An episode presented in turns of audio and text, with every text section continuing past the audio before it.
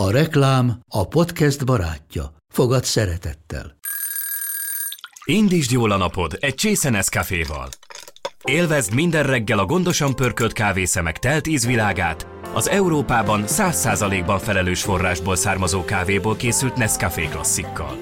Tudj meg többet fenntarthatósági törekvéseinkről a nescafé.hu oldalon. Nescafé. Új lehetőség minden csészében. Ez reklám volt, jó volt.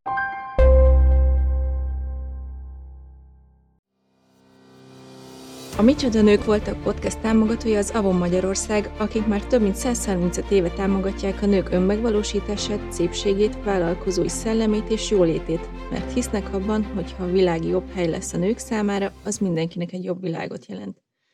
Nők. De micsoda nők? Nők, akik maradandót alkottak. Nők, akik beírták magukat a történelembe. Nők, akiknek nem volt egyszerű életük. Nők, akik nem adták fel. Nők, akik nem érték be az elég jóval. Nők, akik nem törődtek bele a nembe. És a nemüknek szánt sorsba. Nők, akik változást hoztak. Nők. De micsoda nők. Micsoda nők voltak. Az Éva magazin podcast műsora. Budai Lottival és Zubor Rozival. 14. rész Jane Austen. Mert ha valaki mondjuk jobban tisztába jön az akkori Anglia gazdasági szociális körülményével is, főleg mondjuk az Austen család gazdasági szociális körülményével, akkor azért felmerül bennünk a kérdés, hogy nem-e kényszerből választotta ezt az életutat, hogy ő egyébként nagyon is vágyott volna mondjuk egy ilyen hétköznapi női szerepre, vagyis hogy szeretett volna férhez menni és anya lenni, és hogyha megint egy kicsit közelítünk, akkor, akkor pedig meglátjuk, hogy neki nagyon is megvolt az lehetősége egyébként a férjhez menésre, amit visszautasított, de nem lázadásból, hanem azért, mert ő ezzel az életúttal, amit bejárt, lényegében hitetted bizonyos elvek mellett a döntéseivel, még hozzá azok mellett az elvek mellett, amit ő mondjuk az érzelmekről, a házasságról, a férfinő kapcsolatokról vallott, 35 éves kora után azért így végig kellett néznie, hogy a kedvenc sógornője, a kedvenc unokatestvére is sorra halnak bele a 7., 8. vagy 10-11. gyereknek a megszülésébe. És akkor azért írt a levélben, hogy hát, hú, figyelj, szegény XY már megint teherben 30 éves korára így ki fog nyugodni. Tehát, hogy neki az azért látta a házasságnak ezt az árnyoldalát. Ja, azt mondjuk, hogy segít. Igen. És hogy persze, hogy segít neki, hiszen ugye ott tartunk, hogy a nőnek nincs saját vagyona, neki nincs lehetősége, neki nem megengedett az, hogy nem tudom, besétál egy könyvesboltba, hogy sziasztok, izé nő vagyok, és írtam egy könyvet, kiadnátok. Egyébként tök jó lett, mert hogy így elolvasta volna valaki.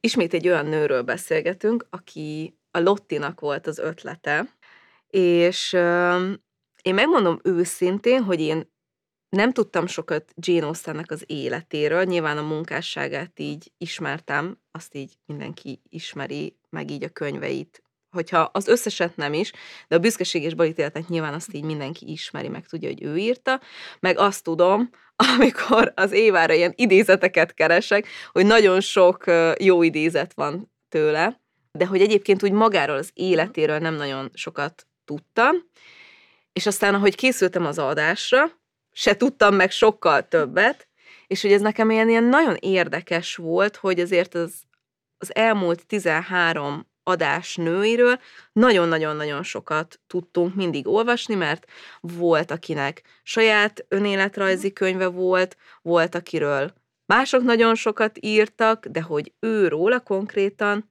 egyetlen egy könyv volt, amiből tudtunk dolgozni. Igen, igen, igen, igen. Hát vagy legalábbis amilyen nagyon átfogó ez a Claire Tomalennek a életrajzi könyve, ami egyébként hát, talán így a leg, legvaskosabb mű a témában. De nyilván vannak egyébként más életrajzi könyvek is, meg mások is foglalkoztak az életével, de hogy így amennyire én láttam, ezt szokták a, az uh-huh. ilyen etalonként megjelölni, ha Jane Austen életéről van szó. És ez nagyon érdekes egyébként, mert hogy a Jane-nek a családja erre nagyon figyelt is, és különösen a testvére Cassandra, akivel egy ilyen nagyon szoros ö, testvéri, meg ilyen nagyon szoros szeretetteljes kapcsolatot, ő kifejezetten figyelt erre, és megsemmisített több levelet, meg, meg, meg ügyelt arra, hogy az utókor a lehető legkevesebbet tudjon meg ennek az írónőnek a magánéletéről, és ez olyan érdekes, mert hogy közben, meg most szerintem van egyébként meg egy ilyen, megint egy ilyen Jane Austen ilyen rajongási mánia. Pont a hétvégén is jártam egy könyvesboltba, és belefutottam a Jane Austen Társasága című könyvbe. Szóval, hogy így az van, vagy kicsit így azt látom, tudod, hogy így, mint az ilyen bulvár magazinoknál, hogy hogyha valaki nem beszél a magánéletéről, akkor jönnek az újságírók, és akkor majd kitalálják, ők kitalálják, igen. hogy vajon mi történhetett vele, és nagyon amatőr mondom, megint belefutottam abba, azt neked mutattam, és a Jane Austen naplója című igen, könyvet, igen, igen. jól megrendeltem, és akkor pont együtt voltunk, és akkor együtt néztünk utána, hogy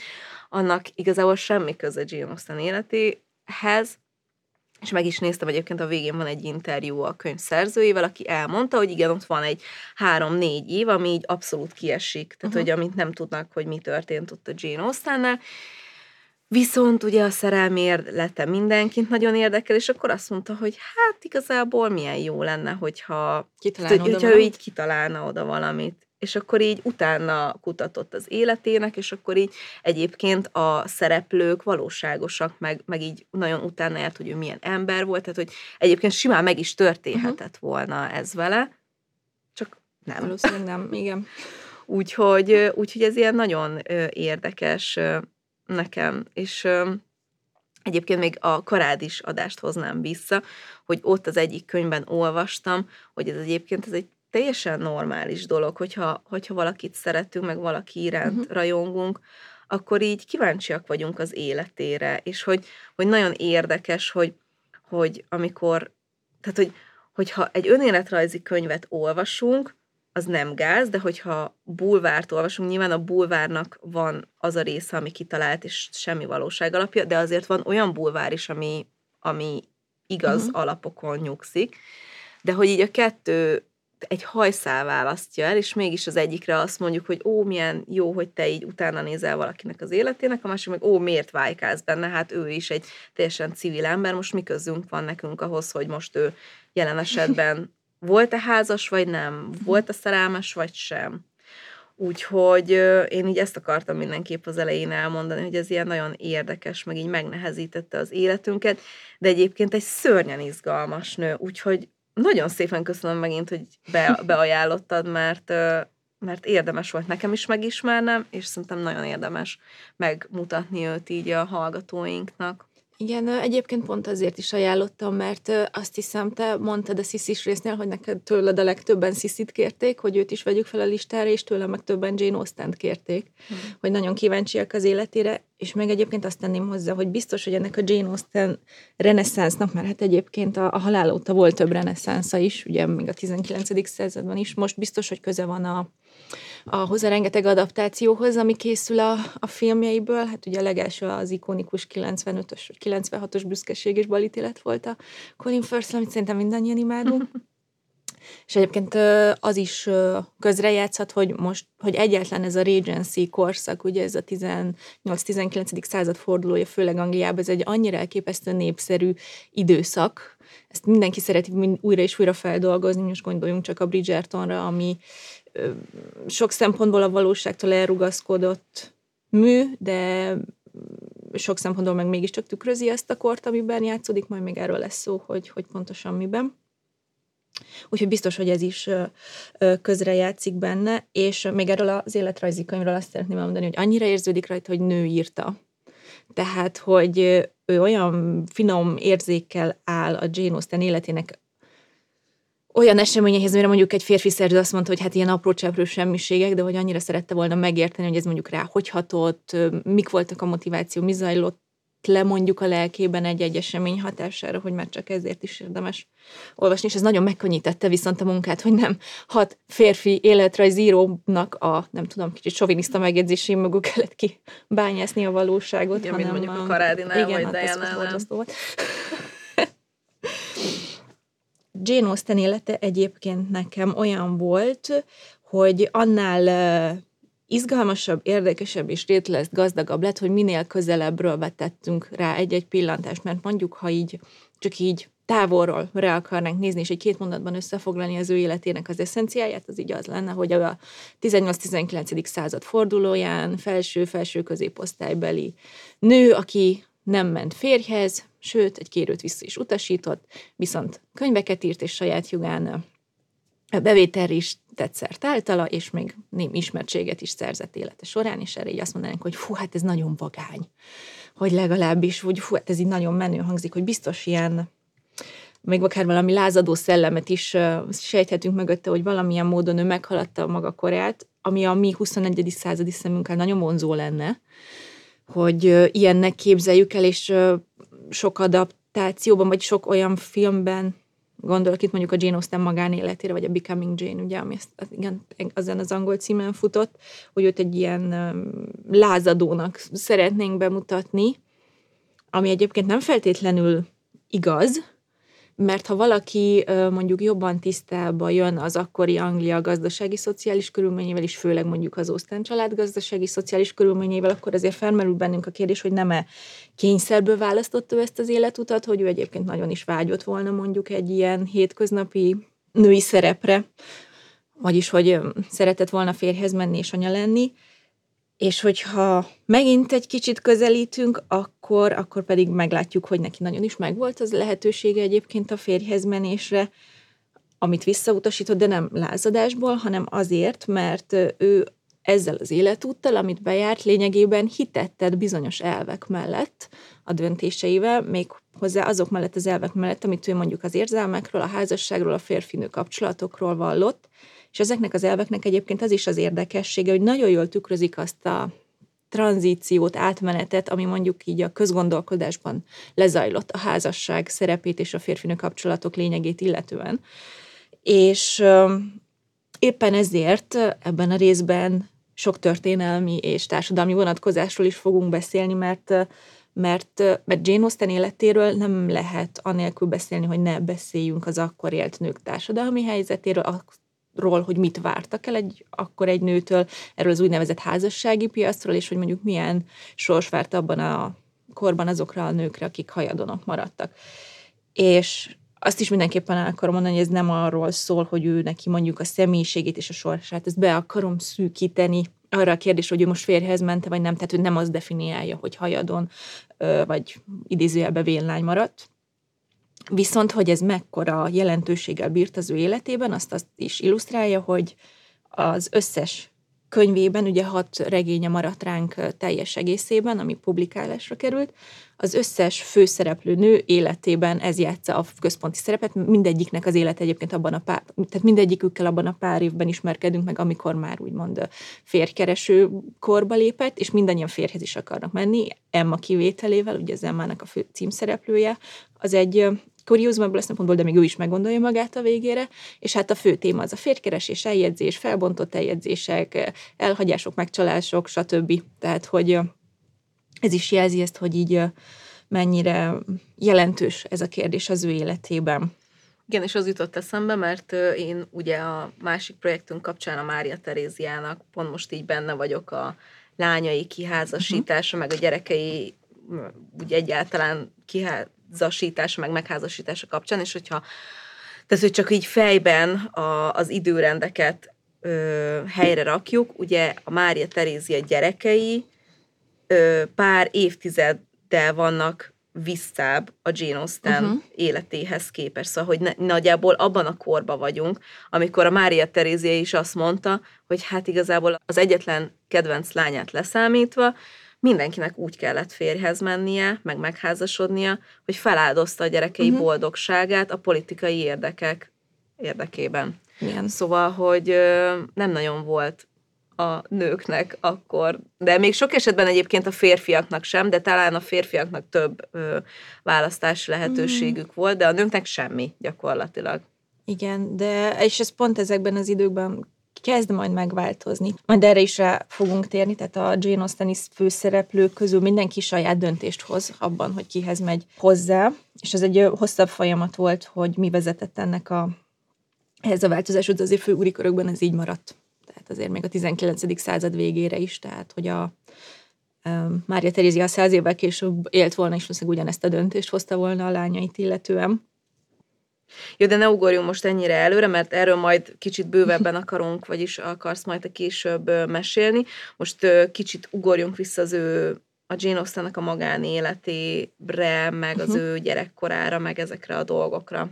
Uh, igen, és egyébként még vissza szeretnék utalni arra, amit mondtál, hogy ugye a testvér elég tetemes levelezés megsemmisített, ami Jane Austenhez kötődik, és ez a másik aspektus, amiből egyébként érdemes az ő életét kicsit jobban megvizsgálni, hogy mi az igazság ahhoz képest, amit mondjuk az ő családja utólag ki akart róla alakítani, meg amit az út követ, rákövetkező a halála utáni évtizedekben gondoltak róla, vagy amit így ma gondolunk, mert például a, a halála után az egyik első életrajzíró, egyébként a saját unokaöccse volt, aki mindenáron ezt a jóságos Jámbor, Teli Jane néni képet akart róla lefesteni, aki otthon üldögél, a könyveinek él, közben játszik az unokatestvéreivel, és hát amúgy egy ilyen nagyon kedves magának való ö, vénlány, ami egyébként ö, nem feltétlenül igaz, mert ö, azért ö, az a ránk maradt, 3000 levelet írt körülbelül életében, és ebből 160 maradt ránk, és jó esély van arra, hogy ezt a nővére Cassandra például azért semmisítette meg, mert azért Jane Austen nagyon szeretett információkat közölni és kapni, hogy azt nem mondjuk plegykálni, és hozzá ezt egy nagyon erős gúnyjal tette meg, tehát hogy neki a humora az egy kicsit ilyen savas, szurkálódós, csipkelődős, nagyon eleven, de úgy bántó, hogy közben így nem tapos azért senkinek így a direktben a lelkébe, és hát azért ezekben a levelekben, még abban a 160-ban is, ami ránk maradt, van azért feljegyzés, kleptomániás, börtönbüntetésre ítélt nagynéniről, akit aztán végül felmentettek, meg hát törvénytelen gyerekekről, fivéről, akitnek csődbe ment a bankja, stb. Tehát, hogy ő azért így a családi szennyest ezekben megtárgyalt, és a nővére azt nem akarta, hogy ez az egész világ elé kerüljön. Másrészt viszont az tény, hogy ugye, amit a unokaöcs is állít róla, ő a családjának élt, hogy ő nagyon sok időt töltött a családjával. Az élete az mondjuk úgy, hogy összefonódott azzal a nagyon kiterjedt unokatestvéri rokoni körrel, ami, ami neki volt. És hogy milyen fontos szerepet mondjuk játszott mondjuk abban az időben egy család, ahhoz így úgy kell inkább elképzelni az akkori családot, mint egy ilyen nagyon kiterjedt pókhálót, ahol ha valahol valamelyik kis póknak a távoli sarkon izé segítségre volt szükség, akkor az egész család így elkezdte húzgálni ezeket a szálakat, hogy például volt Jane-nek egy öccse, aki a haditengerészetnél szolgált, bátyja, bocsánat, aki mondjuk valahol megrakadt a hernagyi rangban, és nem akarták előléptetni, és akkor a lelkész apuka írta a sógornőjének, az a nagybátyjának, az a testvérének, az az unoköccse feleségének, és a többi, akinek mondjuk egy nagybátyja volt a hadügyminiszter, és akkor így sikerült előléptetni a, a testvért. Viszont az is igaz, hogy Jane-nek néha nagyon terhes volt, ez a sok rokon, sok testvér, sok mindenki, akire mindig menni kellett vigyázni, szórakoztatni, mert hát ezt általában elbárták a úgymond vélányoktól a családban, hogy vigyázzanak a gyerekekre, menjenek segíteni a gyerekágyhoz. Mondjuk ezt a feladatot nagyban átvette tőle Cassandra, hogy ő tudjon írni, de hogy ő neki nagyobb igénye lett volna mondjuk egy privát szférára, mint amilyen volt. És hát azt is el kell mondani, hogy azért neki a testvérei között voltak nagyon jó módban élők. Egy bátyja például, egy bátyját örökbe fogadta egy távoli rokon, aki hát nemes volt, hatalmas kastélyal, birtokkal, stb. Egy másik bankár lett, tehát azért elég sokra vitték egyes testvérei, és hát ők így segítették, meg támogatták, de, de sosem annyival, hogy ne kelljen mondjuk folyamatosan a, a, a szegénységtől szorongania, és hogy ne kelljen folyton más nem is az, hogy pénzt kunyerálnia, de hogy folyton megköszönnie, hogy nem tudom, éppen öt fonttal támogatják, amiből még nem tudom, fel tudják tölteni télen a fáskamrát, stb és nem tudom, volt olyan, akitől például így nagyon számítottak rá, hogy egy nagybácsi, hogy majd hagy rá valami pénzt, mert hát más örökös nincs, de hogy mégse, és ez egyébként már akkor történt, amikor beteg volt, és ez nagyon rosszul is esett neki. Tehát, hogy ezért voltak ilyen visszasságok is a családban, és egyébként ez az anyagi helyzet, amiben ők éltek, ez szintén nagyon meghatározó, mert például itt van a mondjuk legismertebb könyve és annak a legismertebb adaptáció, Büszkeség és balítélet, ahol egyébként az a család, a Bennett család egy kicsit ilyen nem, nem az, hogy szegénynek, de ilyen anyagi gondokkal küzdőnek van beállítva. Na most ők fényévekkel jobban éltek, mint mondjuk Ósztenék maguk. Tehát a Benetéknek van szakásnője, szobalánya, több is, stb.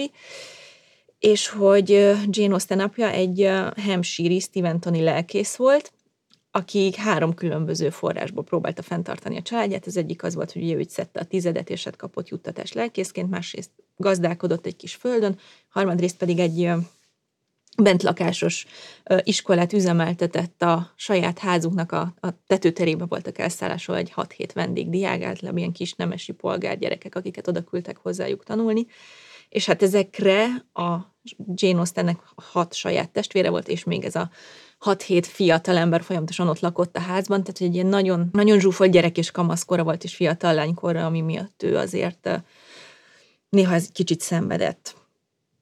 Hát és pláne az íráshoz egy ilyen hangos Nagyon. ház, azért ö, én is tudom, hogy amikor éppen ébren van az összes gyerekem, akkor mindent tudok csak írni, meg gondolkodni, nem szól. És azért az íráshoz az meg kell, hogy az Mhm. ember hallja a gondolatait. Igen, van egyébként egy nagyon érdekes dokumentumfilm, ha, ha valakit érdekel, keressen rá. Ez egy Lucy Worsley nevű, vagy Worsley nevű angol történész hölgynek a filmje, aki úgy mutatja be Jane Austenét, ezt nem kb. egy órás film, hogy azokat a házakat, ahol ő lakott élete során, mert azért elég sok felé megfordult, meg aztán sokat is költöztek, mutatja be, és hogy megvan még neki ez az ilyen író, hát íróasztal, de igazából egy ilyen kicsit ilyen harántos írótábla, amin hát lényegében van egy toll, meg egy tintatartó, meg alá be tudja rakni a papírokat, van egy ilyen kis rekeszés, hogy ez volt az ő privát szférája, vagy privát tere. Ez úgy is van bemutatva ebben a dokumentumfilmben. Jaj, de jó, egyszer csináljunk egy olyan sorozatot, hogy ki hol írt. Jó. Ez engem annyira érdekel, mert ez szerintem olyan érdekes nálad is, hogy olyan gyönyörű környezetben tudsz dolgozni, és szerintem ez tök nagy hatással van, meg tök, tehát hogy így hat az írásra. Abszolút egyébként. Én amúgy ilyen vándoríró vagyok, tehát hogy van, hogy a konyha közepén fog el az ihlet, de egyébként igen, nekem is van azért egy fő Ez tök jó, de ezt meg fogom erre. nézni. Ez nagyon-nagyon izgi. És hát egyébként szintén ez az unoka öcs volt az, aki azt is, azt a képet szintén ki akarta alakítani Jane Austenről, hogy nagyon, hát mondjuk úgy eseménytelen élete volt, egészen pontosan ezt mondta róla. Eseményekben kivételesen szegény volt az élete, melynek egyenletes folyását kevés változás zavarta, a nagy krízisek pedig elkerülték. És hát abból a szempontból egyébként mondjuk úgy, hogy igaza van, hogy a nagy krízisek elkerülték, hogy rögtön, hogyha a gyerekkorát megnézzük, akkor különbözik attól az eddig tárgyalt micsoda nőinktől, hogy nem volt egy mondjuk úgy ö, tragikus gyerekkora, nem mint hogyha mondjuk csak a traumáktól és a bántalmazástól lehetne egy gyerekkor ö, rendkívüli, de hát azért ez nagyon gyakran előfordult az eddig ugye tárgyalt nőinknél, ugye Jászai Mari, Marilyn Monroe, vagy épp legutóbb Karádi Katalin, de akkor itt már is felvetődik mondjuk az a kérdés, hogy mi az a trauma. Tehát, vagy mi számít traumának. Én egyszer egyébként egy olyan fogalmat hallottam rá, ami, ami nagyon megrad, hogy a trauma az egy olyan fájdalom, vagy egy olyan szorongással járó helyzet, aminek nincs feloldása. Ebbenek nincsen megoldása. Adott pillanatban, vagy akár később sem. És ö, akkor így már is meg lehet nézni, mondjuk traumatizált volt a Jane Austen gyerekkora, vagy nem, hogyha figyelembe veszük, és szerintem ez anyaként neked, ez nagyon érdek. Kíváncsi vagyok a kommentárodra, hogy mondjuk ezt te így hogy Tudod elképzelni, hogy ez hogy történt, hogy Mrs. Austen, az anyukája azt a megoldást választotta a mondjuk így a korai gyereknevelésre, hogy amikor megszülettek a gyerekei, mondjuk egy három-négy hónapig szoptatta őket, majd következő ö, egy év 18 hónapra ö, elküldte őket vidéki dajkákhoz, oda a falujukba, egy házakhoz, ahol ott így etették, itatták, nem tudom, így megtanították őket szobatisztának lenni, járni, stb. És amikor úgy ez a korszak lecsengett, akkor így visszakerültek a, a, a szülői házba. És egyébként nem tudjuk, hogy például látogatták-e őket ilyen ö, időszakok alkalmával, vagy, vagy, vagy, vagy hogy hogy mennyire viselte meg a gyerekeket az oda meg a visszatérés. Hát biztos, hogy nagyon. Hogyha belegondolsz, akkor ugye ez az az időszak, amikor a kötődés Igen. ki, kialakul anya és gyerek között. Szóval, hogy jó, hogy mondjuk az első három hónapban még ott tartotta őket, de hogy így onnantól kezdve is, hát a- pont azon gondolkozom, hogy hogy az első szeparációs, szorongós időszak pont három hónaposan uh-huh. jön a gyereknél, és akkor onnantól hat hónaposan, kilenc hónaposan, és akkor a gyerek elkezd kötődni ahhoz, akinél van. Na most ugye nem Nem. tudom, hogy, hogy akinél volt, ő mennyire hagyta a kötődést. Szóval ez biztos, biztos iszonyatosan nagy ö, trauma lehetett, szóval lehet, hogy nem verték, de, de, de ez azért ez bőven elég. Bár, bár verték volna ezek után, mert hogy ez ilyen kegyetlen, tudod, erről az jutott eszembe, amikor olvastam, hogy, hogy ez ilyen árvaházban nevelkedett uh-huh. gyerekek, vagy nem tudom, hogy egyszer volt olyan, olvastam, hogy kórházba került egy ilyen gyerkőc, és hogy ö, ugyanabban a szobában egy olyan gyerek volt, az apukája valaki rendes családban nőtt, és akkor jött este az árvaházból egy nő, hogy akkor tiszta ruhát hozott neki, vagy nem tudom, és akkor így az apuka mondta neki, hogy de hát most volt a gyereknek fülműtétje, és hogy így kicsit ölelgesse már meg, vagy valami, és akkor így mondta, hogy nem ölelgethetik meg, mert hogy nem szabad a kötődést Aha. kialakítani. De most, hogyha így nő föl egy gyerek, meg nincs válaszreakció, tudod, ez a gyerek a fülmőtét után nem sírt, uh-huh. mert hogy tudta, hogy hiába sír, meg. akkor se fogja meg vigasztalni, megölelgetni senki. Szóval, hogy, hogy ugye nem tudjuk, hogy milyen körülmények uh-huh. között volt, de simán el tudom képzelni, hogy tényleg ő csak így oda lett adva, és akkor kb. Te ilyen szárazon, érzelemmentesen. Hát vagy egyébként lehet, hogy még rosszabb, egyéb, nem rosszabb, de hogy az is elég nagy katasztrófa lehetett, mondjuk elkezdett kötődni ehhez a dajkához, mert azért ezzel ellen a gyakorlat ellen, ami nem volt gyakori, de nem volt példanélkül, például azért akkor gondolkodók, írók keltek ki, és például valaki ezt írta erről a gyakorlatról, hogy ki ne látott volna ilyen eltaszított gyermeket, amikor visszaviszik anyjához, és a kezébe adják. Sírva próbál szabadulni, és a pici karját a dajka felé tartva igyekszik vissza az ő karjába. Hát persze, hát mert gondolj bele, ugye ő úgy azt hiszi gyakorlatilag, hogy ő az, hogy anyja. Ő az anyja. Tehát, hogy hát ez minden szempontból tudja. károsan sül el a gyerekre Abszolút. nézve. Nyilván egyébként ebbe az is közrejtszik, hogy akkoriban még így mást gondoltak az anyaságról, és az, hogy egyébként elkezdtek kikelni ezzel ellen a gyakorlat ellen, azt jelenti, hogy pont egyébként ez a nem feltétlenül pszichológiai szempontból kezdték el hangsúlyozni, ez egy nagyon összetett folyamat, hogy miért lett hirtelen minden társadalmi gondolkodó középpontjában az, hogy az anya töltsön időt a gyerekével. Ez sokkal inkább volt az, hogy az éppen iparosodó társadalomban kiszabadulni készülőnket egy kicsit vissza akarták tolni, uh-huh. de tény, hogy egyre több író, például az egyébként a ha gyerekét árvaházba adó Jean-Jacques Rousseau is elkezdett arról írni cikkeket, hogy milyen fontos a szoptatás, meg hogy az anya a gyerekkel legyen zárójel, hogy ez mennyire egy képmutató dolog ja. volt tőle. De, de a lényeg az, hogy egyébként itt ez is kezd már azért átalakulni, de hát Jane Austen még 1775-ben született, tehát hogy ezért ez még egy, itt még ebben is annyira látszik a tranzíció, tehát az ő életét egyébként minden szempontból az átmenet, társadalmi átmenet, ugye a polgárság egyre erősebb lesz, a nemesség, kezd egyre jobban összefolyni bizonyos rétegei már a polgársággal, ugye zajlik a háttérben a francia forradalom, aztán a napóleoni háborúk, az ipari forradalom is lassan elkezdődik, tehát hogy egy nagyon-nagyon érdekes korban alkotott, amiben egyébként nagyon kevés jelenik meg ezekből a változásokból, de, de, de, de ennek is egyébként megvan az oka. És hát a lényeg az, hogy azért mondjuk, ha belepróbálunk gondolni Mrs. Austen életébe, hogy neki hét gyereke volt, és ott volt még hét kamasz gyerek, akik ilyen 12-16 éves közötti fiú, akikről neki, neki kellett főzni rájuk, mosni rájuk, tehát hogy nekik erre nem volt külön személyzetük, tehát azért nagyon kemény élete lehetett biztos, neki is. Biztos, biztos. És hát ezek a gyerekek elég nagy, elég kicsi különbséggel születtek, tehát az egyik még nem tanult megjárni, és akkor egyébként már újra teherbe esett. És hogy ennek a rengeteg gyereknek, mert ez nem volt példa nélkül a családban, tehát hogy azért a, a bátyjainak a felesége is folyamatosan ö, terhesek voltak, és ö, az egyiknek 7 gyerek született, 8, 10, 11, 12, tehát ezeket így le lehet követni. Ennek ö, volt hatása azért Jane Austen életének, ugye, életére, ugyanis ebben a korban, a, főleg ebben a társadalmi körben, amiről szó van, így a fogamzás gátlásnak egyetlen egy módszere volt, hogy az életrajzi könyvben is szerepel ez a külön hálószoba. Na most, hogy ezzel egy házasságban éltek vagy nem, az kizárólag a félbelátásán múlott, tehát hogy ő most hajlandó-e megtartóztatni magát, és nem teherbejteni átlag 18 havonta a feleségét, vagy nem.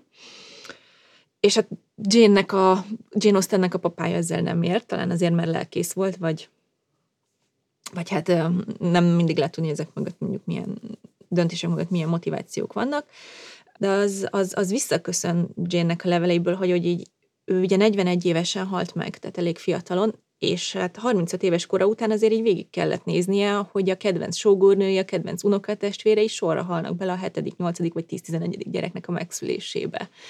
És akkor azért írt a levélben, hogy hát, fú, figyú, szegény XY már megint teherben 30 éves korára így ki fog nyugodni. Tehát, hogy neki az azért látta a házasságnak ezt az árnyoldalát. Visszatérve arra, hogy még milyen szempontból lehetett hatással az ő életére ez az anyától való korai távollét, ez mondjuk nagyon visszaköszön a könyvében szereplő anyaképekben. Én legalábbis így, ahogy így végig monitoroztam, meg felidéztem olvasás emlékeimet, hogy vagy olyan anya van, aki egyáltalán nincs is a könyvben, tehát ugye Emma félárma is csak apukája van, vagy mondjuk érzelmileg egyáltalán jelen nem lévő elérhetetlen, ez például a Mansfield kastélynak igaz ő nevelő anya, de hát a fő szereplő hölgyről a Lady Bertram gondoskodik, aki hát egész nap szundikál, és hát a leginkább szóval tunya jelzővel jellemzi folyamatosan Jane Austen, és hogy így kb. jelen sincs a család életébe, csak a saját, nem tudom, fáradtságával van folyamatosan elfoglalva, vagy a teljesen a saját problémáiba, meg betegségeibe csavarodott Mrs. Bennet a büszkeség és balét életből, akinek a lányai csak annyira érdekli az érzelmi világa, hogy minél hamarabb férhez adja őket. És hát talán az egyetlen kivétel ez a, a Mrs. Dashwood az értelem és érzelemből, aki biztos, hogy nagyon szereti a lányát, meg lányait, meg törődik is velük, csak ő egy kicsit de ő is egy kicsit nem ez a megtartó, felelősségteljes erő, akire mondjuk az elárvult, félárva lányok támaszkodhatnak, hiszen ott Elinor vesz át egy kicsit egy ilyen családfő szerepet, mert hogy az anya túl, túl érzelmes, túl könnyen elengedi magát, túlságosan belefeledkezik örömébe, bánatába, és ebben kicsit hasonlít is ugye a testvérére Marianra. Viszont ezzel szemben az apa figurák, meg ha nem is tökéletesek, de én legalábbis úgy tapasztaltam, hogy szerethetőbben vannak ábrázolva. És tényleg úgy is tűnik az életrajzi adatok alapján, hogy a, ez a megtartó, inspiráló erő, ez elsősorban Jane-nek az édesapja volt az írónő életében. És hogy miért is, ez például megmutatkozik abban, hogy, hogy Mr. Austen valamennyi gyermekének a művelődését ezt nagyon fontosnak tartott, vagy tartotta, idértve a lányokat is, és ez akkor kifejezetten nagynak számító 500 kötetes könyvtárából bármelyik gyereke szabadon olvashatott bármit. Itt például ezt fontos megemlíteni, hogy Jane Austen életében milyen fontos szerepet játszott az olvasás jövőben. Tehát például a, egy-egy karakterét gyakran csak azáltal jellemzi, hogy milyen a viszonya az olvasáshoz. Például az egyik legellenszenvesebb Mr. Collins, az kifejezetten kijelenti, hogy ő megveti az irodalmat.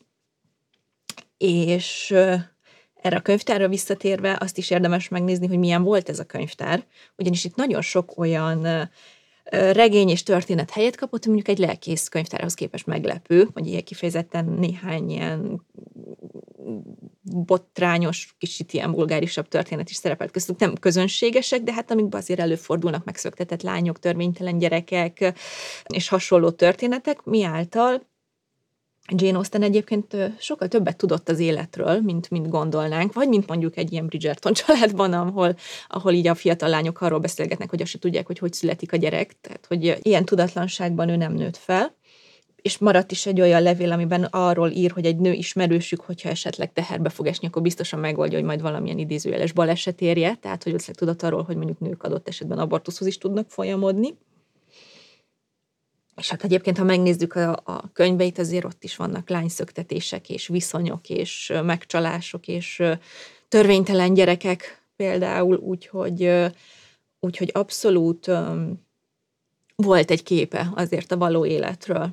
Csak hagyj reflektáljak még gyorsan, és aztán nem akarom ezzel így húzni az időt, csak ugye nekem van a Anyukám podcastom, és annyira durva, hogy, hogy nagyon sokat beszélgetünk arról, hogy hogy így a jelenkorunk pont ezért, mert hogy azt látjuk így visszamenőleg, hogy egyszerűen az, hogy valaki milyen anya, meg milyen uh-huh. apa, milyen nagy hatással van ténylegesen az emberre, és hogy, és hogy, hogy így szoktuk beszélni azt, hogy néha így annyira visszamennénk ebbe a boldog tudatlanság idejébe, amikor úgy nevez gyereket, ami nyilván nem jó, mert hogy látjuk sok esetben, hogy nem jó, de hogy így, hogy nem agyalták túl, hogy nem, nem gondoltak arra, hogy most akkor, hogyha így nevelem, ezt nem, hogyha elküldöm a három hónapos gyereket, nem tudom, másfél évre, akkor majd szegénynek kötődési zavarai lesznek, de hogy, hogy milyen fontos ez, és hogyha esetleg így a hallgatók közt van, aki így nyitott így az anyasággal, meg gyereknéveléssel kapcsolatos témák iránt, akkor ez itt most a reklám helye. De szóval, hogy, hogy tényleg nagyon, nagyon durva, és egyébként érdekes, hogy szerintem ő az első nőnk, ahol azt látjuk, hogy inkább az anya, és hogy, hogy, Mhm. hogy ezt is fontos szerintem kiemelni, hogy anyaként is volt rá példa, hogy úgy ö, traumatizálódtak, vagy traumat, hogy anyaként is úgy traumatizálták a gyereket, hogy aztán az, az végül tényleg egy egész életre és egy egész munkásságra kihatott. Ez az egyik, amit am- akartam mondani. A másik meg az, hogy az jutott eszembe, hogy ebben a korban nem nagyon volt jellemző, hogy egy nő írt. Az olvasás Mhm. az jellemző volt, de hogy ott nagyon figyeltek arra, hogy mit olvas egy nő, és ez tök jó Osztán apukánál, hogy ennyire így szabadon hagyta, de az írás nem nagyon, levelezésen kívül nem nagyon volt jellemző, nem nagyon sok írónő volt, nem ebben a korban. Nagyon jó, hogy erre rákérdeztél egyébként, mert ez egy nagyon izgalmas kor abból a szempontból, hogy, hogy ezekben az években, évtizedekben jelentek meg a női írók is, és egyre több női olvasó. Tehát ez az az időszak, amikor a nők elkezdtek kifejezetten piacot jelenteni a könyvkiadók és a nyomdák számára. És pont most én is csinálok egy kis reklámot, mert én meg elhoztam a, a Risporos étköznapoknak a másik kötetét, amivel Ami Amiben- szintén, csak szeretném elmondani, hogy mindenkinek kötelező, hogy ott legyen a könyves polcán, és hogy átolvassa, meg elolvassa, mert úristen, nagyon- nagyon-nagyon durva ez a könyv is. Ö, igen, és ez a második rész egyébként, ami kifejezetten a női életutakról szól, és hogy ebben foglalkozok azzal, hogy a pont a 18. század végi angol, vagy 18. és 18. század végi angol irodalomnak mekkora hatása volt arra, hogy a nők elkezdtek gondolkodni mondjuk a házasságról, vagy a szerelemről. Ugyanis ugye Anglia abból a szempontból is mondjuk speciális, hogy ugye ott azokon a területeken, ahol elterjedt a reformáció, sokkal nagyobb volt a literáció az írni-olvasni tudás, és ennek az eredményei kezdtek már beérni.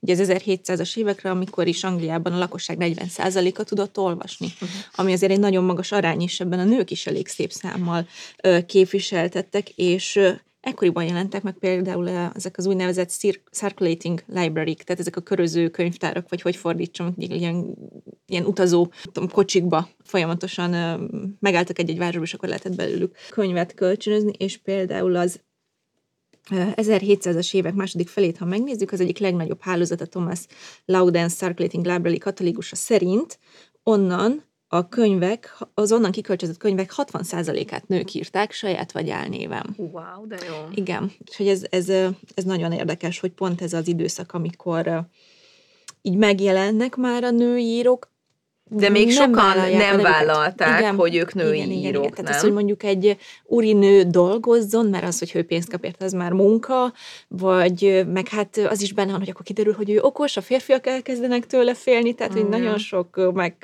fontolás volt mondjuk amiatt, hogy valaki álnéven ír vagy nem, aztán onnantól ő döntött el, hogy ez így kiderül-e mondjuk az ő saját privát köreiben, vagy De ez vagy mégsem. hány évtized kellett ahhoz, hogy tényleg eljussunk odáig, hogy egy nyug, nő nyugodtan a saját nevén a Jane Austen is az élete, hogy is volt az élete végén, vagy miután meghalt? Addigra? Nem, nem, ö, ugye ő nem, ab, nem is abban a sorrendben jelentek meg a könyvé, ahogy, ahogyan ő, ő írta. Először a, az értelem és érzelmet írta meg, utána a büszkeség és balítéletet, majd pedig azt hiszem a klastrom titkát.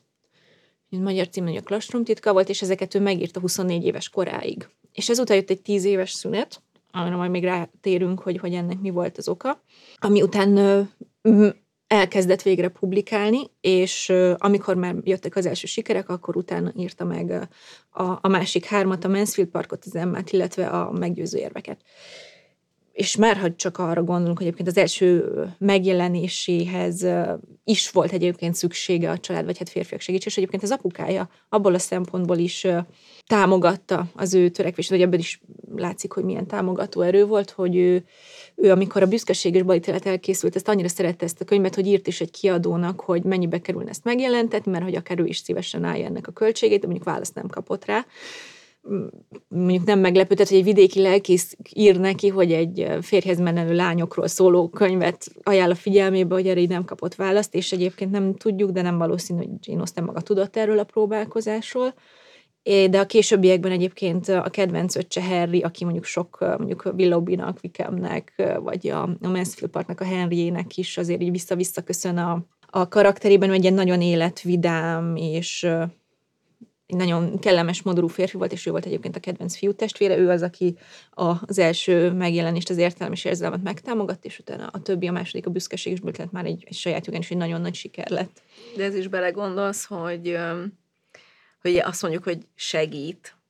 Igen. És hogy persze, hogy segít neki, hiszen ugye ott tartunk, hogy a nőnek nincs saját vagyona, neki nincs lehetősége, neki nem megengedett az, hogy nem tudom, besétál egy könyvesboltba, hogy sziasztok, izé nő vagyok, és írtam egy könyvet, kiadnátok. Egyébként tök jó lett, mert hogy így igen, mert elolvasta volna valaki, kb. így nem. Szóval, hogy, de hogy, hogy abból a szempontból meg nagyon fontos, szerintem nagyon sokszor, hogy, hogy mindig van egy ilyen aprócska kis százalék férfi, aki segített, Igen. Hogy, hogy ezeknek a nőknek segítsen és azért ezt hozzá kell tenni, hogy első körben ők azért ezt ilyen szabadidős tevékenységként támogatták meg, hát tényleg el is ismerték Jane-nek a tehetségét, de hogy ők nem azt akarták, hogy ő egy ilyen önállóságra tegyen szert, vagy hogy ő író legyen, vagy íróként dolgozzon.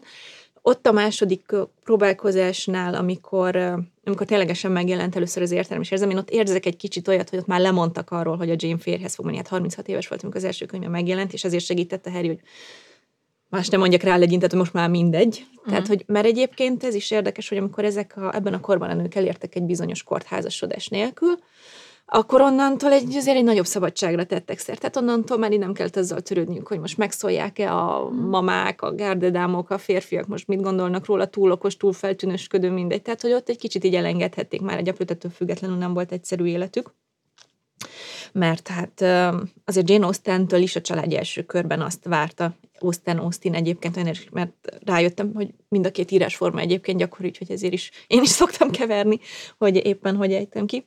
De hát a lényeg az, hogy tőle is azt várták el, hogy, hogy férjhez menjen első körben, és akkor egy kicsit itt beszélnék, megint átmennék ilyen történelem előadásba, hogy most miért is volt ennyire fontos, hogy mindenki férjhez menjen, miért volt olyan tragédia, hogyha valaki vénlány maradt.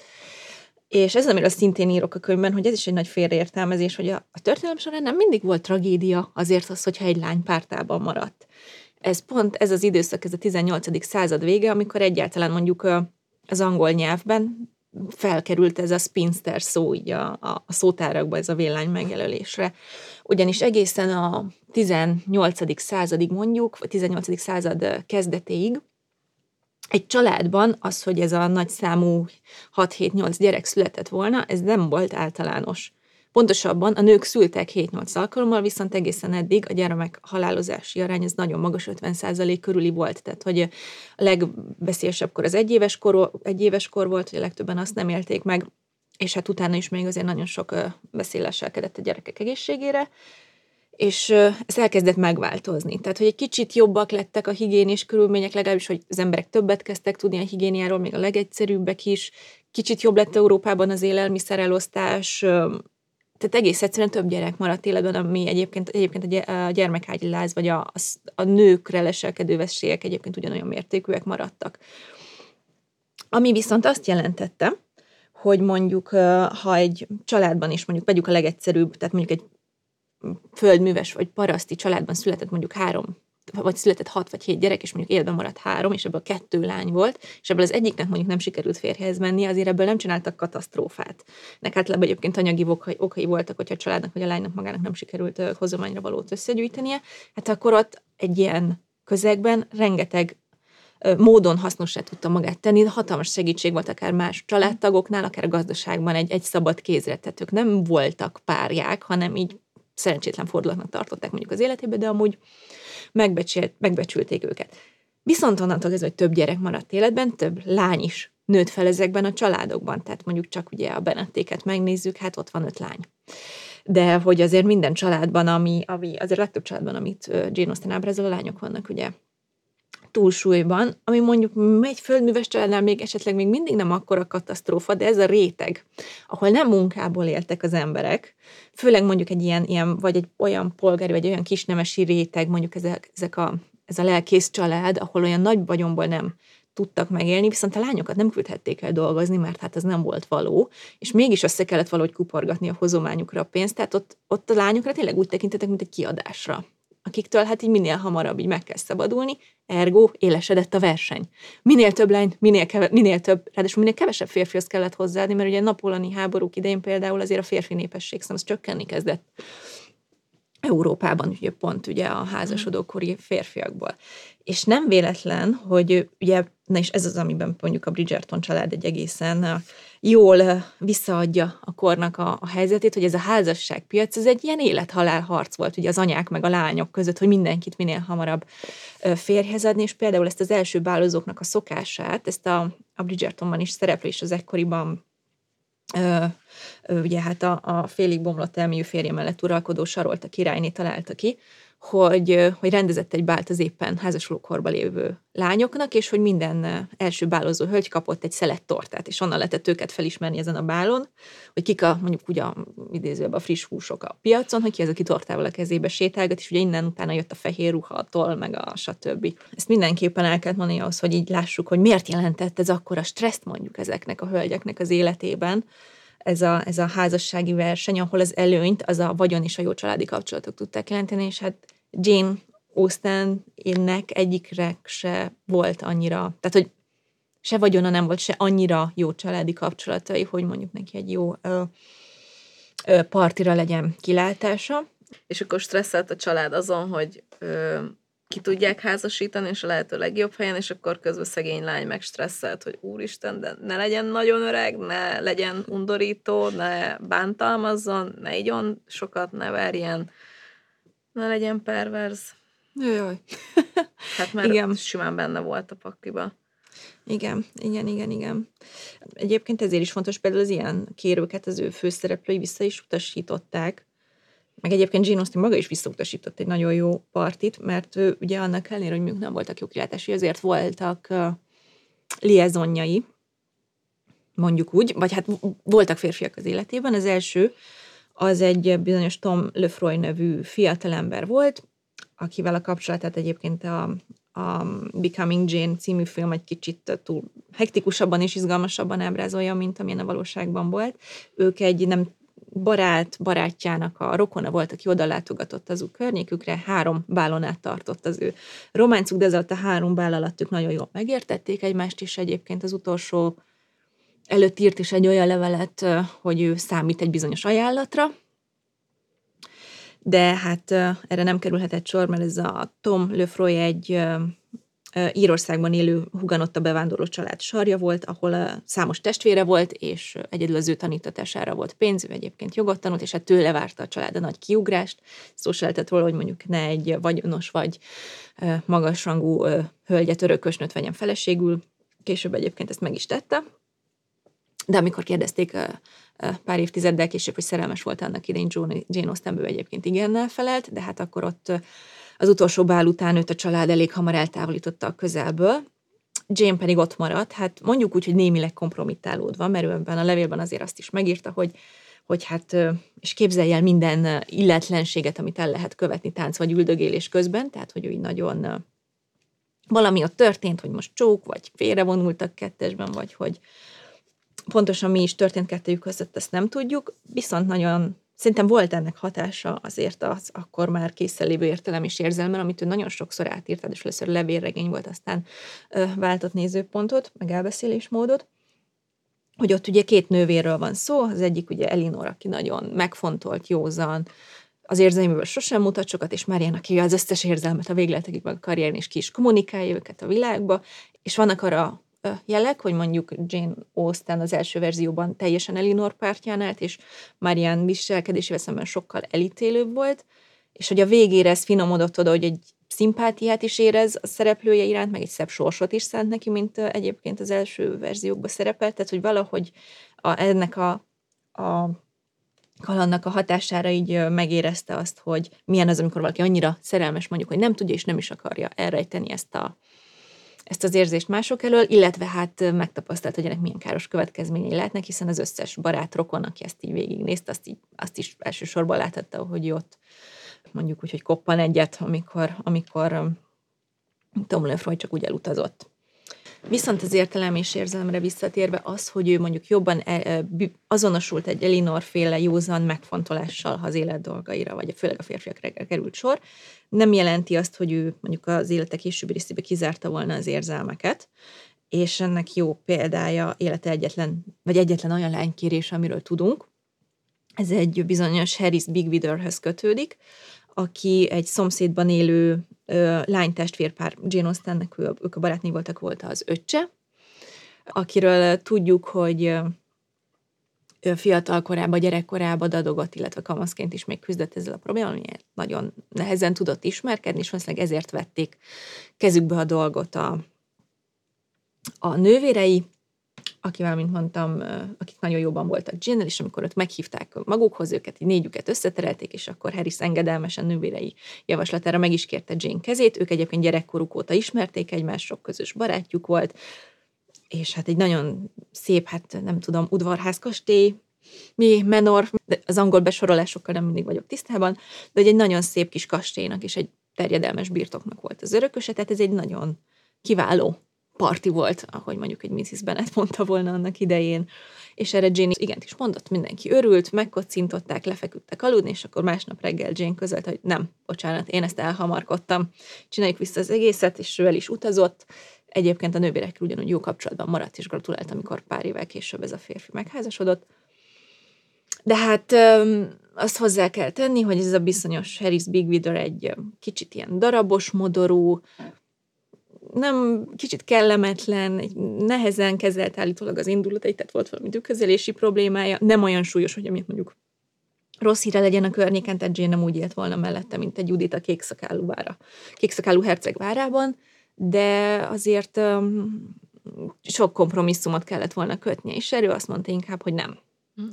És akkor inkább, inkább marad egyedül, mert, mert ami Jane Austen számára ez elkerülhetetlenül fontos volt, az az, hogy legyen valamilyen közös érdeklődése a leendőbeliével, tehát hogy valamilyen közös alapra tudjanak építkezni, és emellett pedig ugye a kölcsönös tisztelet, amit ő elengedhetetlennek tartott, és ez annyira fontos volt neki, hogy ő nem választotta inkább a kényelmes életet, ami amúgy mindenképpen becsülendő, és egyébként ez az az elv, hogy, hogy ez az, amire szerint egy házasság építkezhet, ez, ez ugye minden könyvében megjelenik.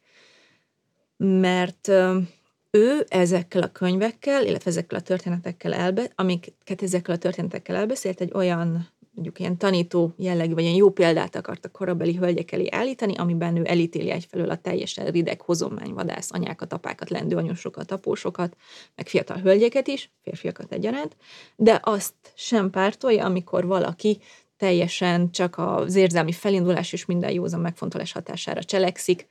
Egyébként valószínűleg, hogyha mondjuk Tömlofról jelők összeházasodtak volna, akkor annak ott valószínűleg apai, a fér részéről egy kitagadás lett volna következménye, ők maguk pedig valószínűleg szegénységben élték volna az egész életüket, úgyhogy ahogy egyébként talán itt maga Jane Austen szólal meg Elizabeth Bennetnek a hangján, amikor azt mondja, hogy hogyha Viken megkérni a kezét az a részéről, mert mind a ketten ugye azért szegények, az a részéről egy esztelenség van, és ő nem szereti az esztelen férfiakat, tehát hogy ebbe azért ez, ez is tükröződik, és, és akkor itt még egy kicsit rátérnék a korabeli irodalmi közegre, ugyanis reflektálni akart ezekkel a művekkel egy bizonyos hát áramlatra, általában úgy szokták mondani, hogy az ő mondjuk úgy irodalmi realizmussal szembe megy a korban annyira divatos, szentimentális irodalommal, ami azért szerintem egy kicsit összetettebb, ugyanis az ekkori irodalomról azt kell tudni, és erről szintén teszek említést ebben a, ebben a könyvben, hogy a 18. században alkotott Jane Austennek egyébként a kedvenc írója egy bizonyos Samuel Richardson,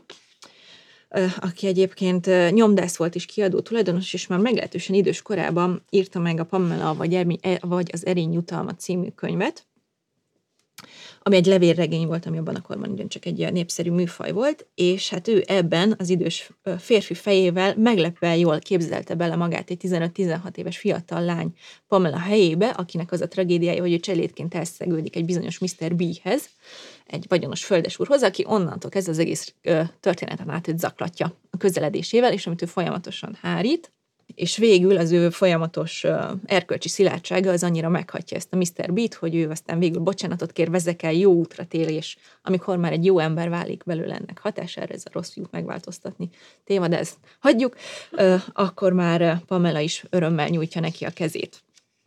És ez több szempontból is fontos ez a történet. Egyrészt azért, mert itt jelenik meg először, hogy a társadalmi korlátok átléphetőek, tehát az, hogy egy cselédlány hozzámenjen egy földes úrhoz, tehát ilyen, ilyen hamupipőke történetek azért nem nagyon születtek abban a korban. Másrészt pedig ez a történet, ez folytatásokban jelent meg újságban. És hogy egész Anglia, ugye, ahol, mint említettem, éppen már növekedett az írni-olvasni tudás, az úgy követte ezt végig, mint amikor nálunk kijött a szomszédok vagy a barátok közt. Tehát, hogy egy epizódról epizódra mi történt. És egy korabeli anekdóta szerint egy falu kovácsa, akinek volt egy példánya Richardson könyvéből, nyári estéken ülőire állva olvasott fel hangosan a regényből, estéről estére, népes és figyelmes hallgatóságot gyűjtve maga köré. Végül, amikor a szerencsés fordulat egymás karjaiba sodorta a főhőst és a főhősnőt, hogy boldogan éljenek, amíg meg nem halnak, a helyek olyan boldogok voltak, hogy hangos üdrigalvásban töltek ki, megszerezték a templom kulcsit, és megkongatták a harangokat. Tehát, ekkora hatása volt ennek az egy darab könyvnek, amit egyébként még számos hasonló követett. Richardson is írt még könyveket, és hát sokan kezdték el másolni a témát és a stílust is, és ekkor kezdték el hát ezek a nagyon könnyed, kifejezetten nőknek szánt regények megszületni, amiben már egyre több volt. Ugye a lányszöktetés, a szülőknek ellentmondó gyermekek, a nagy ö, burjánzó érzelmek és könnyek és stb., aminek a korabeli ö, újságok alapján volt mondjuk egy olyan hatása, például a, a The Weekly magazin novemberi száma 1771-ben számolt be arról, hogy egy Frávia nevű hölgy egy másik férfiat való lelkesedésében faképnél hagyta hűséges vőlegényét, és a fővárosba rohant egyetlen hálóinkban és alsó szoknyában. És egy a következő száma pedig egy bizonyos Elizabeth Montagu arról panaszkodott, hogy a kedves barátnője Mrs. Hunter, Hollandi, Mrs. Hunter Hollandiába szökött Pembroke nős gófjával, és ő is ezt a hölgy által olvasott regényeknek tulajdonította. És én érzek ebben valami ilyesmit, hogy Jane Austen egy kicsit így azt akart akár sugalni korabeli fiatal lányolvasókat, hogy azért egy kicsit vegyünk visszább, amiben egyébként szerintem valahol igaza volt. Mm. Tehát, hogyha azt mondjuk, hogy most akkor józanul meg kell fontolni, ugye mellett a férfi mellett anyagilag és lelkileg boldog leszek-e, vagy az első szerelem, akkor így rávágnánk, hogy az első szerelem, de azért itt 16-17-18 éves lányokról van szó, mm. akik úgy kötöttek házasságot, hogy abból nincsen szabadulás, tehát hogy ez, ez tényleg egy olyan döntés volt akkoriban mondjuk a házasság, hogy ugye nem úgy kell rá tekinteni, mint ma, hanem valahol egy életre szóló döntés, és azt hiszem ebből a szempontból Jane Austen egy tényleg követhető és követendő példát akart ugye felállítani a hölgy olvasóinak. Na de arra a tíz évre térjünk vissza, amikor nem írt, mert azt mondtad, ja. hogy azt még kivesézzük. Igen, tehát hogy 24 éves koráig megírta ezt az első három könyvet, amit említettünk, és akkor történt az ő életében egy olyan fordulat, amit valószínűleg férfi életrajzírók és saját férfi rokonai is úgy definiálnának, hogy semmiség, de őt nagyon megrázta. Ez pedig az volt, hogy a szülei úgy döntöttek, hogy ők feladják a lelkészházat, azt átadják Jane egyik szintén lelkész hivatást választott fivérének, ők pedig elköltöznek Bászba, ami egyébként mondjuk például a, a Klastrom titkában is egy nagyon jellemző helyszín lesz az ő könyvében, tehát hogy meg, meg többször ugye elő is fordul, akár csak említés szintjén, és hát ez Jane Austen nagyon megrázta. Tehát, hogy ő neki azért ekkora már volt egy ilyen bejáratott életritmusa, környezete, barátai, tehát egy olyan típusú alkotó volt, akinek nagyon nagy szüksége lett volna a saját ismerős környezetére arra, hogy ő tudjon alkotni. És hát Bász azért egy nagyváros volt, és hiába próbáltak park közelébe költözni, meg olyan házba, aminek még volt egy kis kertje, őt ez nagyon megviselte, ahogy mondjuk az is, mert akkor már csak ők voltak a háznál, ő meg a nővére, ő sem ment sose férjhez, egyébként Cassandra, neki volt egy vőlegénye, csak ő meghalt Nyugat-Indiában, hova azért ment, hogy vagyon gyűjtsön, hogy össze tudjanak házasodni. És ennek egyébként nagyon szoros volt kapcsolat, ezt még el kell mondanom, hogy ők így ketten majd nem egy ilyen szimbiózisban értek valamelyik rokonuk, említ is, hogy már messzire meg lehetett őket ismerni, hogy a dombon közlednek a teljesen egyforma főkötőikben. Kicsit ilyen lesajnálóan mondja ezt egyébként, hogy a két vénlány nagynéni, mm. ahogy közeledik. De ez egyébként volt is ebben valamilyen intenció, hogy ilyen utolsó lehetőség, mert Bász azért egy nyüzsgő nagyváros, az mindig a, a házasságpiacnak egy roppant nyüzsgő pultja volt, hogy élhetek ezzel a képzavarral és hát érezte azért ebben a, a, a, a sejtetést, hogy jó, most akkor ide jövünk téged eladni. Másrészt meg a szülőkre egy ilyen nagyon érdekes, hogy ilyen nyugdíjas kori utazhatnék tört rá, és hát ők fele időt bázban töltötték, ezért felébe megutazgattak fürdővárosokba, vidékre, stb. És hát ugye a lányok mentek velük, ami jónak is hangzik, meg nem ismert, hát akkor ez azt jelenti, hogy minden alkalommal ugyanazokat a viziteket, látogatás, visszaadni a vizitációt, akkor ugyanazokról csevegni, stb. És azért ez így nagyon meg, nagyon fárasztó volt a számukra, és nem is volt alkalmas azért egy alkotó közelhez, az viszont nagyon érdekes, hogy Jane Austen az összes, mindazt a három befejezett kézletet, azt folyamatosan vitte magával. Tehát, hogy kész csoda, hogy nem vesztek el az alatt, rengeteg utazgatás alatt, vagy nem, nem égtek le, vagy nem dobta ki véletlenül őket valaki, vagy használták el a rokon gyerekek papírrepülőhöz. De hogy ez nagyon fontos volt számára, ez a három könyv, ez ezt is, ugye, ez is ö, ö, megmutatja. És hát ugye akkor ugye 811-ben megjelent álnéven az első könyve, és hát ahogy mondtam, az első az értelemizmus kapott bizonyos jó kritikákat, azért nem robbantotta fel a könyvpiacot, de így kapott érte némi pénzt is, és akkor a büszkeséges böltelt volt a következő, ami meg egy ilyen nagyon nagy siker lett, és hogy nem csak a, tehát ez a felső körökben is egy forgatott ö, könyv lett, és akkor lett mondjuk a régens herceg az ő rajongója, tehát mondjuk engedélyt kapott rá, hogy az Emma című könyvet már neki ajánlja az első oldalon, ami szinte jót tett a renoméjának, és hát meg nem gazdagodott belőle, de mondjuk az első könyvért kapott annyi pénzt, hogy mondjuk három évig fedezte az ő kiadásait. Tehát, hogy számomra ez egy hatalmas nagy megkönnyebbülés volt, akkor viszont a, ugye a Mansfield kastély ez egy picit kisebb siker lett, és hogy utána itt volt is valamilyen probléma, hogy a kiadója nem nem akarta úgy kiadni, akkor ő ezt megfinanszírozta Jane, ami tehát ilyen magánkiadásban ment, tehát meg nem volt egy üzletileg jó döntés, tehát hogy ilyen nagyon nagy vagyonra ezért sem tudott szert tenni általa, de azért ez, ez így az életének mégiscsak egy nagyon szép szakasza, ami meg viszont nem tartott sokáig, tehát szerintem az ő életének ez a legnagyobb tragédiája, hogy ugye 36 éves korától jöttek volna az első sikerélmények, és hogy innentől már csak 5 éve volt hátra, ugye 41 évesen halt meg, és hát ugye elkezdődött a betegsége már valamivel korábban, nem tudni pontosan, hogy mi most így mondják, hogy lehet, hogy adizonkor, ami egy ilyen mellékvesekérek betegség volt, de az is lehet, hogy limfómája volt, hogy voltak lázas rohmai, gyenge volt, de ilyen gennyes bőrrel vált, nagyon sokféle tünetet produkált, amivel a korabeli orvosok nem is nagyon tudtak mit kezdeni, és hát egyébként az egyetlen mondjuk úgy vigasztaló dolog ebben, hogy így a, a nővérének a, vagy hát a, igen, a nővérének a, az ölébe hajtva a fejét szenvedett ki végül egy hosszas betegség után, és valószínűleg a sok lelkészi kapcsolatnak a családban tudhatható be. Ő Winchesterben lábadozott az utolsó hetekben, ahol, ahol egy orvostól reméltek segítséget, hogy a Winchesteri katedrálisban temették el, tehát nem is a templomkertben, hanem ott, ott belül található meg, és hát van egy nagyon szép, hosszú, cirkalmas sírfelirata, ami rajta van, hogy a szerető testvér, a jóra való, a nem tudom, a nagy lelkű, stb. egy dolgot hagytak le róla, hogy írt is könyveket. Tehát Jane Austen sírján nincs ott, hogy egyébként az elismert és szeretett író, vagy, vagy bármi. És hát még az írói karrieréhez még hozzá tartozik, hogy ugye a halála után jelent meg a Klastrom titka, illetve a meggyőző érvek. És egyébként nekem a meggyőző érvek a kedvencem, ami egyébként pont arról szól, hogy egy 27 éves lánynak hogy sikerül végül mégis férhez mennie, tehát hogy van benne egy kicsit egy olyan érzés, hogy az, ahogy a nő ezt a 27 éves lányt ábrázolja, aki egyébként kapott fiatal korában egy ajánlatot egy férfit, akit szeretett, csak éppen az az, hogy ő nem volt jó anyagi körülmények között, akkor őt erről lebeszélték, nemet mondott, megbánta, eltelt egy csomó, és amikor ez a férfi már vagyonosan visszatér, akkor nem is a vagyonát, hanem tehát a férfit szereti, ez egészen nyilvánvaló.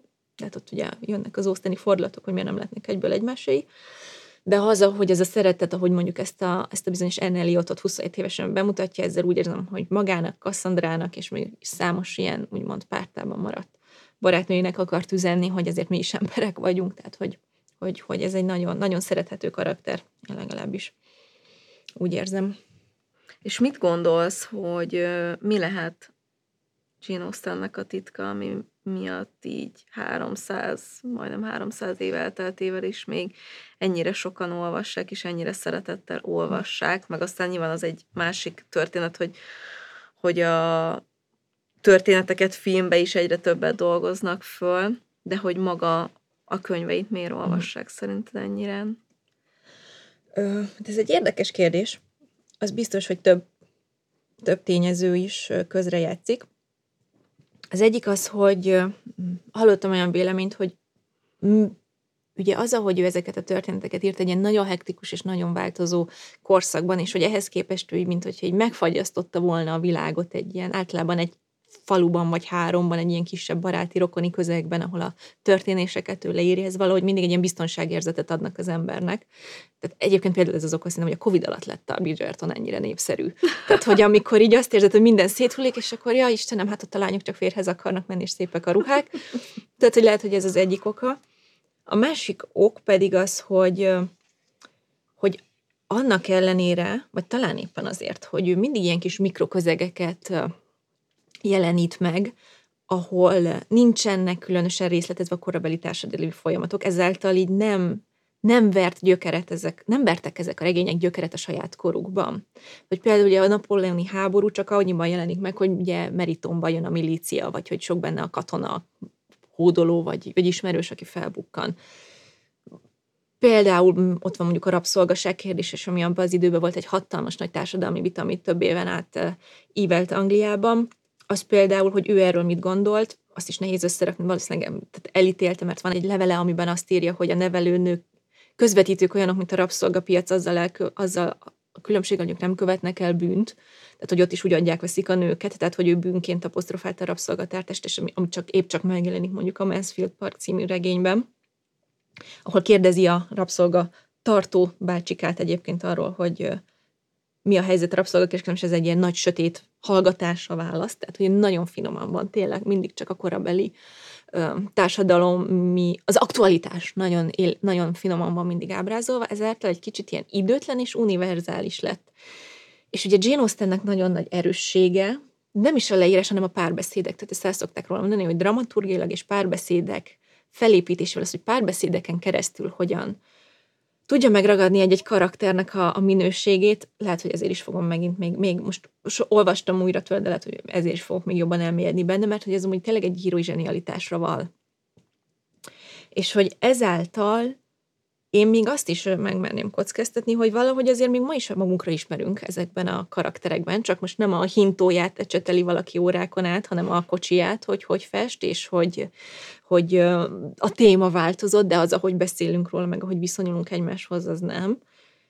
És hát akkor egyébként úgy beszélünk erről a korszakról, amikor mindenkinek, a anyukáknak az agymenése volt, hogy na most ki, ki van már férhez, ki nősül, meg kinek mennyi pénze van, stb. Nem tudom is, hogy ki az, aki most hány éves és pártában maradt, és úristen. De ha most megnézzük, ez így ez megváltozott? Mert szerintem igazából csak, hogy te férhez mentél, már kérdést felváltott az, hogy és van már valakid, vagy az, hogy Igen. most akkor így arról beszélünk, hogy szegénynek már három éve nincs senki, és a többi. Tehát, hogy ugyanolyanok Olyan vagyunk az. valahol. És, és ugyanez a téma, és ugyanúgy beszélünk azokról, akinek mondjuk x éve nem volt párkapcsolata, vagy hát azért legalábbis én hallok olyan beszédeket, amikor úgy apostrofálnak egy-egy ilyen lányismerős idézőjelbe téve úgymond barátnők, hogy szegény, meg hát én nem is tudom, mit csinál rosszul, meg mit kéne változtatnia. Uh-huh. Ezek egy bálteremben is elhangzottak, hattak volna, amikor arról panaszkodnak, hogy hát így XY soha nem fog férjet fogni. Úgyhogy szerintem ez is az egyik oka az ő népszerűségének. Igen tökéletesen bemutatja, hogy milyen kicsinyesek is tudunk lenni. Igen, egyébként. és hogy hiába telt el lassan 300 év valójában. Sokat változtunk, de mégsem. Igen.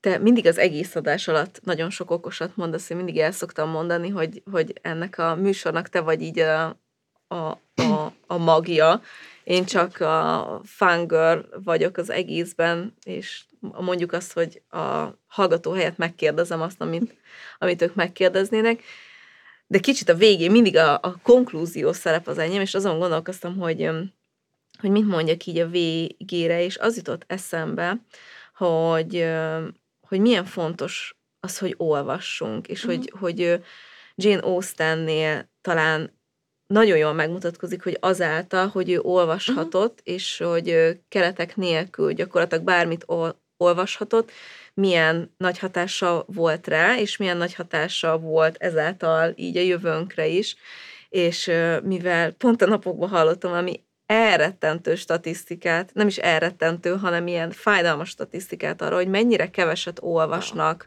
ma az emberek, és mennyi, az egy dolog, hogy mennyire kevés könyvet vesznek, de hogy itt szeretném megragadni az alkalmat és elmondani, hogy a fővárosi Szabó Ervin könyvtárban kb. 2000 forint az éves Igen. beiratkozási jegy, és egy alkalommal 8 könyvet lehet kihozni, és hogyha van gyereked, akkor három ö, mi az könyvtári jegyed lehet, tehát akkor az 3x8 könyvet tudsz kihozni, évi 2000 vagy 2500 forint most már lehet, nem tudom.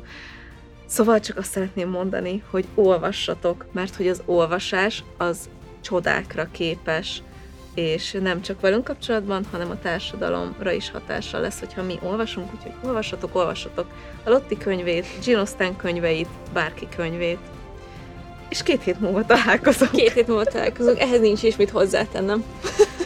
Köszönöm köszönjük. szépen, Lotti, nagyon megint. Én is köszönöm, és köszönjük a hallgatóknak is. És nem árjuk el, hogy ki lesz két hét múlva, mert még mi sem tudjuk. Igen. Sziasztok! Sziasztok!